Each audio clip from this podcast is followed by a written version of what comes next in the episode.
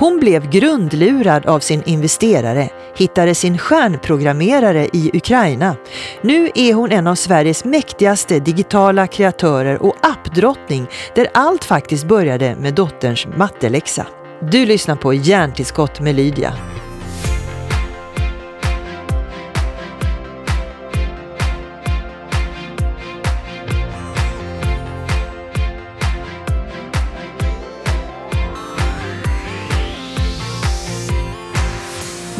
Emot mig sitter en person som blivit nominerad två år i rad till Sveriges mäktigaste kvinnliga grundare.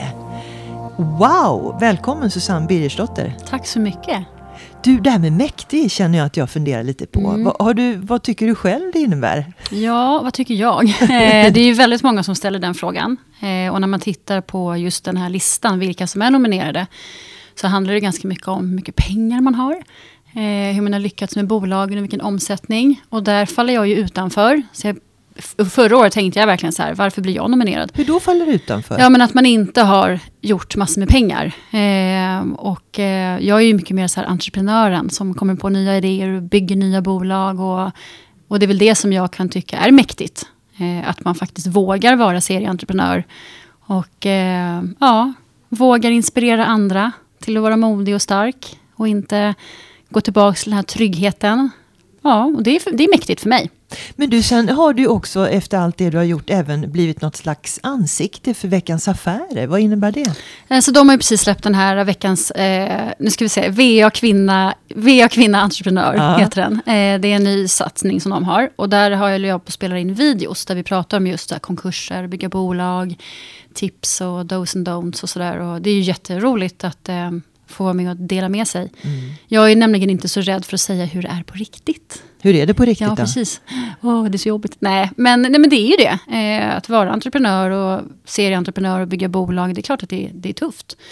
Du tänker ju hela tiden på om du gör rätt, om du har gjort rätt val. Jag menar, det kan ju vara så att du har en produkt och så kanske inte den säljer så jätte, jättebra. Ska man sluta? Ska man fortsätta? Ska man satsa mer pengar? Så här, livets stora frågor som precis, entreprenör. Precis, jag antar det. Eh, men du, vi ska prata om solskenshistorier, men också mm. mindre roliga historier. Mm. Eh, hur det är att vara entreprenör. Men först och främst, från en kvinna som hållit på med ja, kläder i butik, eh, jobbat på restaurang, till det här berömda köksbordet. Man mm. tror nästan det, det, det är någonting man, du har hittat på. Men alltså, Vi skulle behöva en bild på det där köksbordet. Ja. Mm. Har du kvar köksbordet? Ja. Det har jag. I sitter, köket? Sitter fortfarande vid det köksbordet. Men var det där allting började och hur då? Mm. Eh, nej men det var ju för att min dotter kom hem och eh, behövde hjälp med gångertabellen. Och det, alltså det var jättesvårt. Alltså hon, hon, hon hade väldigt svårt för att lära sig gångertabellen. Och jag, vi hittade ingen bra app åt henne. Och då tänkte jag, då får jag väl göra en åt henne. Eh, och googlade, hur gör man en app? Och gjorde det tillsammans med ett team eh, som jag anställde från köksbordet höll jag på att säga. Men jag satt ju vid köksbordet och skypade med dem på kvällarna. Nu går vi lite fort där fram. Du mm. hittar alltså folk mm. som program, programmerade och mm. utvecklade, alltså ute i världen, i mm. Nepal och eh, via en hemsida ja, där du hittar dem. Det finns alltså, om du tänker Arbetsförmedlingen, fast den är global. Så att du kan hitta då folk som bygger hemsidor, eller programmerar, utvecklare, designers som sitter över hela världen. Så jag hade ju utvecklaren i Nepal, programmeraren i Ukraina och designern i Polen. Underbart. Eh, ja, faktiskt. Fantastiskt. Och jag älskar det. Att kunna, jag gillar det här med att vara global. Eh, jag menar, kan man ge jobb till andra länder så gör jag gärna det. Faktiskt. Och, och, och. Vi, har, förlåt, vi har ett team idag i Indien. Eh, I mitt appbolag. På sex personer. Och jag vill ju hellre gynna dem kanske. Än svenska programmerare. Som är så dyra. Mm. Men du, fast forward här mm. lite grann då. Eh, du gjorde den här appen som blev succé. Mm. 5.2-appen. Det är roligt. En dietapp. Efter, du gjorde, efter den här räknehistorien här med mm. dottern som behövde mm. multiplikationstabellen mm. så gör du 5.2-dieten. Men mm. det var egentligen inte din idé. Du, du, det var en timing som du mm. hängde på. Berätta. Mm. Alltså det var, det var en kompis till mig som ringde. Eh, det här var väl i mars tror jag. Och eh, hon sa att du måste sätta på tvn, det kommer en ny diet. Det är någon engelsman som pratar. Och, eh, och då var det den här Michael Mosley som hade kommit på den här 5-2-dieten där man ska fasta två dagar. Och eh, hon ringde mig, inte för att hon tyckte jag skulle gå ner i vikt, utan för att den, det är bra mot sjukdomar, man sover bättre och ja, lite sådär. Så att hon tyckte att lyssna, lyssna på det här, det är intressant. Eh, det var bara det att det första jag tänkte på var så här, har han en app? Och det hade han ju inte. Nej, han hade ju inte det. Och så skulle han komma till Sverige och släppa sin bok på svenska i augusti och signera den. Så då byggde vi 5.2-appen och släppte den samma dag som han kom hit. Och Bam! det blev ju bra. Flera tusen nedladdningar om dagen. Mm. Men du, det, när du har berättat här tidigare så funderar man på, blev inte Michael Mosley lite sur? Alltså om du bara visste hur många 5.2-appar det finns. Ja, men, nej, han har säkert gjort en egen också, det vet inte jag idag. Men vi gjorde den här 5.2-appen och sen så tror jag inom loppet av en månad kanske det fanns åtta. Och nu kanske det finns 25. Och det är ju så, du äger ju, du äger ju ingenting idag. Det är jättesvårt det här med att säga så här, den här idén är min. Det kan ju sitta någon i en källare i, eh, vad vet jag, Kambodja och göra samma idé som du. Eh, Så det är faktiskt, nej, säger jag. Jag tror inte att han blev så sur och det finns jättemånga. Varför är det, vad är det som gör att just eh, den versionen av eh, 5.2-app som ni gjorde, Mm. eh, vad är det som gör att den går bättre än andra då?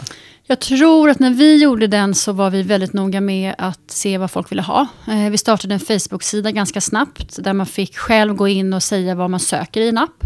Eh, Jag tror ju väldigt mycket på att man, man kan ju inte bara säga den här passar mig. Eh, utan man måste ju göra lite noggrannare undersökningar och se vad vill alla andra ha där ute. Appen är ju inte till mig egentligen. Och det gjorde vi. Så jag tror att när vi väl släppte vår app så fick folket det de ville ha. Det låter så här löjligt, men, men jag tror det var lite så. Vi hade recept och du vet, så här, man kunde hjälpas åt, man kunde köra så här 5-2 med varandra och peppa varandra i appen och sådär. Det var com- communityn kring det Ja. som var viktigt att bygga ja, upp. absolut. Mm. Och när den här appen också blev en succé, ja men nu pratar vi om, nu har du alltså eh, bjudit hem eh, mannen från Ukraina Mm. som bor med sin familj hos dig för att nu har du ett bolag som rusar nästan. Ja, men det var ju lite så att vi märkte ganska snabbt att vi ville göra fler appar. Och han eh, ville komma till Sverige och vi ville ha honom. Han var ju vår huvudprogrammerare. Det är roligt, han var vår enda programmerare. eh, men, eh, så han bodde hemma hos oss ett tag. Och eh, du insåg ju ganska snabbt att vi behöver ha ett team i Sverige.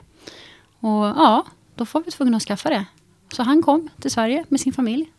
Stämmer. Och så börjar ni eh, bygga utav bara katten. Men, Mm. men du har ju också nämnt det här med att eh, man är glad över alla appar man eventuellt kan få in i App Store. Mm. Men App Store själva, eller Apple själva, eh, måste man ju vara lite varse kring.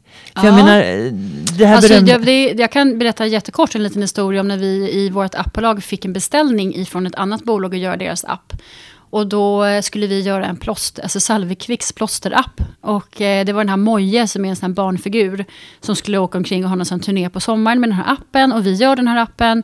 Och han ramlar på sin skateboard och så ska barnen då gå och tvätta honom. Och så ska de sätta på rätt plåster och så får de poäng. Det var bara det att det var ju blod i den här appen. För han ramlade ju och gjorde illa sig på knät. Så vi fick ju inte den godkänd i App Store. Det var ju inte så bra, för den hade vi ju fått en beställning på.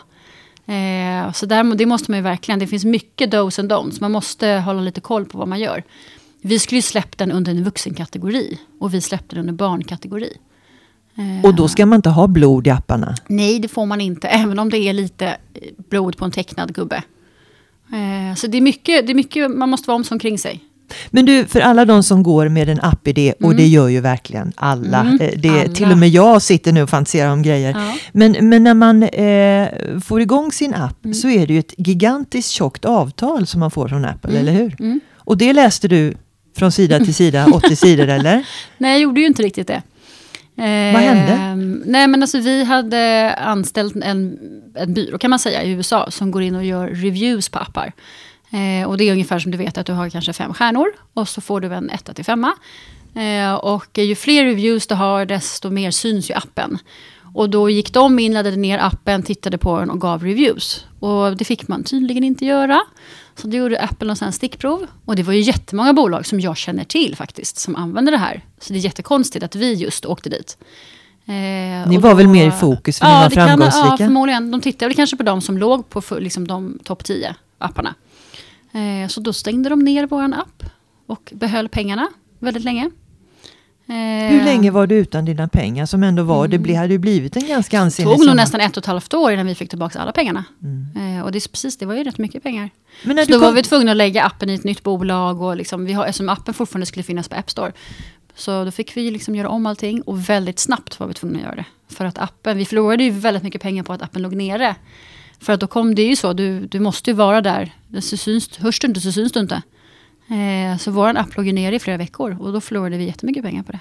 men varför tog det så lång tid? Ja, det får du fråga dem om. Alltså jag vet inte, det är ett stort bolag. Trögstyrt skulle jag vilja säga. Eh, och vi är ju bara småisar, vi företagare. Så att, eh, Den nej. första reaktionen du fick var Mm. dessutom att nå- någon på Apple sa skriv ett brev Ja, för det är hand. ju för lustigt. Ja. Skriv ett brev och skicka till den här postadressen om vad du, typ, vad, vad, du- vad du har anmärkningar på. De kunde inte svara. Vi var tvungna att verkligen så ta in kompisar som var advokater och hjälpa oss att skriva. Och, väldigt mycket meck med det här. Du, du pratar mycket om entreprenörskap och peppa tjejer i alla Mm. åldrar att våga, våga. Mm. Ehm, och sen sa du också när jag lyssnade på dig eh, när du stod på scenen häromdagen att ehm, våga fråga ut den investerare som Mm. du ska ha med också. Mm. För du blev ju faktiskt lurad av en investerare. Mm, stämmer. Vad, vad är det för frågor som du eh, ångrar att du inte ställde? Alltså, först vill man veta var pengarna kommer ifrån. Eh, och att de är säkrade. Och vem är den här personen egentligen? Gör en grundlig kontroll på honom. Eh, jag tyckte väl att vi gjorde det. Men bevisligen så gjorde vi inte det riktigt ordentligt. Eh, hade, liksom, hade han egna pengar? Kommer det från något företag? Är det familjepengar? Försök att ta reda på så mycket som möjligt. Eh, för han hade ju inga pengar. Visade det sig ju. Mm. Och detta var en situation när du precis hade anställt många människor. Ja, och- vi var tio på kontoret då. Och kunde inte betala lönerna eftersom vi inte fick pengarna från honom. Att, eh, det, är ju, det är ju katastrof. Alltså bara jag hör när jag, när jag nämner det igen så bara, men gud, hur klarade vi oss egentligen?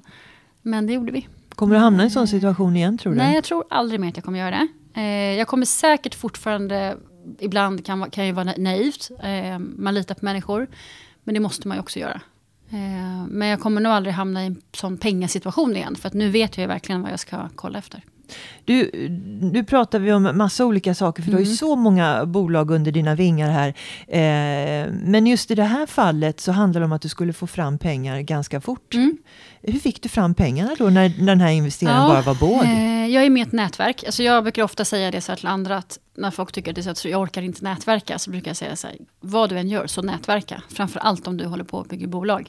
För du träffar alltid någon som känner någon som känner någon som ger något. Eh, och här var jag med i ett nätverk där det var 40 kvinnor. Eh, som alla är väldigt framgångsrika och har en väldigt hög omsättning på sina bolag. Eh, och eh, jag skickade ut ett brev till dem, ett mejl, där jag skrev det att eh, nu har ni chansen att investera i Nu ett har av de- ni chansen. Ja. sa du. Eh, att investera i ett superbra bolag och verkligen inte säga jag har inga pengar kvar utan att det här är grymt. Nu har ni, liksom, ni har två dagar på er att bestämma er. Och så tryckte jag på skicka. Och sen så började mejlen droppa in. Så här, jag vill investera, jag vill köpa så här mycket andelar, jag vill ha så här mycket.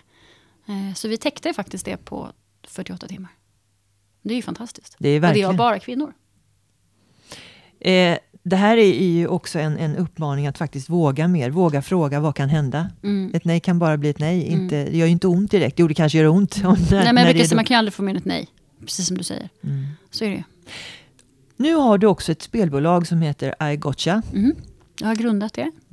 Du har grundat det, det Mm. får vi inte glömma att säga. Nej. Allt du rör vid är nästan en egen, eh, ett eget grundande så att säga. Mm. Ja, förutom det här investeringsbolaget nu då som jag är med i. Eh, det har inte jag grundat, men jag är med och jag, st- jag styr det bolaget kan man väl säga. Det är väl egentligen det ansiktet utåt i det bolaget. Men annars så, jag gillar att grunda. Eh, och våga prova på nya grejer. Och det här spelbolaget Mm. som det redan har skrivits rätt mycket Mm. om att du ska lansera det nya Pokémon-spelet. Galet. Och det ska i så fall komma i sommar. Vad, vad, hur mycket Pokémon är det och hur mycket Monopol är det? För jag förstår Ja, att det är en blandning. Alltså det är ju sådär, det, det kan jag inte riktigt svara på. Eh, vi har bestämt att vi, skulle vara lite, att vi ska vara lite hemliga med det. Eh, och att det ska bli en överraskning vad, som, vad spelet egentligen innehåller. Eh, min idé som jag hade för, vad är det nu, fyra år sedan. Det är klart att den har utvecklats. Eh, de är ett större team idag och det, har, det blir ju bara bättre, skulle jag vilja säga. Eh, det räckte med att jag kom med den här lilla grundidén och planterade den till massor med fantastiska människor. Som nu gör ett grymt spel. Så att eh, ni får vänta och se. Du, du eh, glittrar hela du när du pratar om det här spelet, så Ja. det blir jättespännande. Ja. Men eh, när du nu också har, eh, och har dina fingrar med i spelet kan man Mm. säga då i det här investerarbolaget. Var finns de eh, roligaste och nyaste idéerna i världen nu? För jag menar Sverige Mm. ligger ju på alla möjliga topplistor Mm. när det gäller tech. Mm. Eh, men vad tycker du? Alltså, vi har investerat i ett bolag som har sitt fäste i Barcelona. Och vi är på väg att investera i ett bolag som har sitt fäste i Zürich. Eh, det, händer, alltså det är verkligen så här, ja, det är det här med att återigen vara global. Det är så mycket roliga saker som händer där ute. Men du måste ju också ha möjligheten att hitta de bolagen som investerare. Och där har väl jag lite privilegiet att många hör av sig till mig. Och vill att jag ska titta på deras idéer. Eh, de vågar fråga mig. Jag tror att de känner så här att de, det är ingen fråga är för dum. Och det är nog mycket för att jag egentligen inte kommer från techbranschen. Och då, jag, jag svarar ju aldrig så här, vadå vet du inte det? Utan de känner att så här, men vi, kan- vi kan fråga Susanne, vad, vad tycker hon om det här, vad tror hon? Eh, och det gör ju också att jag får väldigt bra idéer i knät. Kanske från grupper som normalt inte skulle våga närma sig eh, frågan överhuvudtaget. Mm, kanske. Men, vad, men, men eh, och så är du på väg till Japan. Ja, precis. Det ska bli roligt. Eh, Jag ska åka till Japan på en, en vecka och träffa lite investerare och startups. Jag har aldrig varit där och se hur eh, det funkar. Det är samma sak där. Man vill ju lära sig lite grann om doppa tårna i allt. Eh, Och se, man kanske ska satsa pengar i Japan. Eh, Man kanske kommer hitta partners i Japan. Man vet aldrig. Spännande. Ja, Men vad, vad är det för typ av, vad är de vanligaste idéerna? Vad kretsar de mest kring? Mm. Eh, mycket hälsa. Hälsa och träning tycker jag. Det, ja, det är väldigt mycket hälsa och träning. Eh, och det är jättebra. Men det är väldigt mycket hälsa och träning. Faktiskt. Så det skulle jag vilja säga. Mat, det är också så här mycket matappar. Ja, men hälsoappar, träningsappar, livsstilsappar. Eh, mycket, mycket kring det. Finns det inte en risk om du är involverad i många av de här typerna av appar att man konkurrerar ut varandra? Sina Mm. egna grejer? Ja, men det gör, precis, och det gör jag ju aldrig. Utan eh, det vi gör är att vi ser alltid på synergierna. Så har vi, investerar vi i ett bolag så försöker vi titta på om vi har något annat bolag i portföljen som de kan dra nytta av. Eh, synergier är, nästan det viktigaste kan jag tycka. Eh, vi har ju till exempel appbolaget. Så skulle vi träffa ett bolag som behöver, ska göra sin app bättre, då kan ju vi sätta ihop dem i vårt appbolag. Eh, så att vi blir som en liten familj. Ja, apropå hälsa. Jag läste någonstans att det finns en app som heter Deadline där du kan beräkna din egen död. Oj, Ja, tänkte ett tips till dig om du vill ha upp koll på läget. Då, om jag vill ha koll på min död. Ja. Nej, men då kan du också förändra och förlänga ditt liv om du ändrar vissa parametrar. Jaha, Oj, vad intressant. Ja, fast eh, det är nästan som man inte vågar eh, Nej. programmera in sina första Nej. data för då får man ding, liksom datum och klockslag nästan. Drick vatten resten av livet. Ja, deadline är tips om du vill veta. Men du, det här med appar, om vi ska gå in lite på Mm. tekniken då. För, för det man pratar mycket om det är progressiva webbappar. Alltså att man går in på nätet och direkt kommer i en applikation Mm. istället för att ladda ner Mm. appen. Kan du reda ut det där lite grann? För många Mm. säger att herregud, appar är snart omodernt. Mm. Så webbappar har ju funnits ett tag, fast man inte kanske har vetat om det. Eh, det. Det har ju funnits appar på din dator, men vi, vi använder dem inte. Och jag vet inte riktigt om vi kommer göra det. Och varför jag inte riktigt tror det, det är för att vi, är, vi har ju alltid våra telefoner med oss. Alltså användningsområdet på telefonen är så mycket större än på datorn. Eh, ja, så jag är lite kluven där faktiskt. Och jag menar, du går in, det är inte så ofta som du går in på webben då, via datorn. För då måste ju allting vara webbanpassat på din telefon. Så när du bygger någonting, till exempel en app, så måste den vara både då mobilanpassad och webbanpassad. Och varför skulle du då välja att låta den vara webbanpassad när du bara kanske behöver den att den är, alltså att du gör en app? Kanske billigare produktutvecklare, du slipper Ja. hela Apple-administrationen. Ja, ja, visst. Men då ska, du också, då ska folk börja använda det. Och får man, folk är så vana vid appar. Alltså, jag menar, se på tonåringar och barn idag. Då ska de helt plötsligt lära sig använda webb. Jag vet inte. Mm. Ja, det blir Nej, svårt. det, ja, alltså jag kan inte svara. Men eh, jag, jag tror ju att apparna kommer bara växa. Mm. Absolut. Men du, när man pratar med dig och umgås med dig så du verkar vara en väldigt sådär, ingenting är omöjligt och dyker Mm. ut från höga höjder och ser vad som händer. Eh, Blir man bara sån? Ja, nej. Eh, jag har nog alltid varit sån. Faktiskt. Ja, men det har jag. Jag har nog alltid varit lite sådär. Jag var, var jag aldrig rädd som barn. Eh, jag vågade, du vet, cykla lite för långt ut till höger, fast man inte fick. som exempel. Sådana saker. Jag har nog alltid varit lite sådär att, ja, nej, men vad är det värsta som kan hända då? Ja, men då får jag väl göra om och göra rätt. Men om jag aldrig vågar, då vet jag ju inte. Men jag tänker du som är eh, förälder till fyra barn, Mm. eh, blir de väldigt inspirerande av ditt sätt att leva? Har du fyra entreprenörer hemma? Alltså jag, har, jag är förälder till två barn och min man har två barn, så vi är en stor familj. Eh, och min man är också entreprenör. Så man undrar ju då om alla de här barnen kommer bli smittade av oss. Det tror jag inte. Och jag brukar skratta och säga att jag tror inte att någon av dem har, är, har lite, är entreprenör idag. Men det sa jag också när jag var tonåring. Eh, det är klart att man blir påverkad av sin familj. Det, det blir man ju. Och eh, jag kan nog se att nå- någon kommer nog bli entreprenör. det hoppas jag. Ja, chansen är stor procentuellt sett kanske. Mm. Ja. Du, I allt det här så har vi pratat väldigt mycket möjligheter. Men är det någonting som oroar dig? Som du känner att det här måste vi nog vara medvetna om nu när vi pratar om de här sakerna? Eh, alltså det som kan oroa mig lite grann är att idag så är det så många som vill bli entreprenörer. Som tror att det är så här rockstjärnestatus att vara entreprenör. Eh, det är lite för mycket spela pingis på dagarna. Och sitta i så här fluffkudden och spela Candy Crush. Eh, det är ju inte det. Och jag tror att, jag ska inte säga att det är någon fara, men jag, och det är klart att man ska ha roligt på jobbet. Men jag tror att man måste inse också att det är ett jobb. Eh, du kan inte bara så här, ha en idé i en källare och tro att du ska bli mångmiljonär. Utan det, det krävs extremt mycket arbete att vara entreprenör. Och det måste man förstå. De du möter, entreprenörer, Mm. vad, vad är det drivkraften eller pengarna som är den vanligaste signalen du får? Absolut drivkraften. Alltså det går inte. Man tror Jag skrattar nästan, för att du säger absolut också. det Ja, är så roligt så det inte klokt. måste sluta säga det.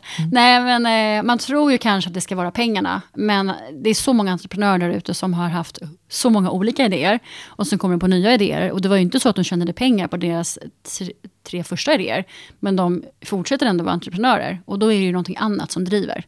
Så entreprenörskap är ju ett sätt att leva. Du, drivkraft har ju du, är du full av känns Mm. det som. Har du någon egen förebild? Som inspirerar dig? Ja, jag fick den här frågan faktiskt för två veckor sedan i en panel. Och då var det bara kvinnor och då förväntade, alla kvinnor svarade ju såklart en kvinna. Och jag svarade min pappa. Eh, och det kan ju låta lite så här, min pappa.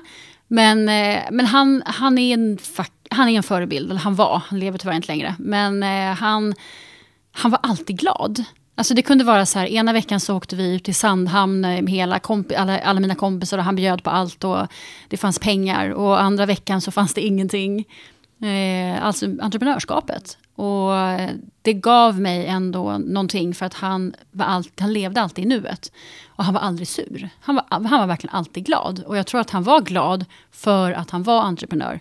Det är så här, don't put baby in the corner. Lite så. Vad var han entreprenör i då? Han hade hotell, han hade nattklubbar, sålde båtar i Miami. Eh, alltså det var jag kommer ihåg att han sålde sådana paraboler på 80-talet. Han- Du vet, man para, takparaboler. Ja, just det. Var det han?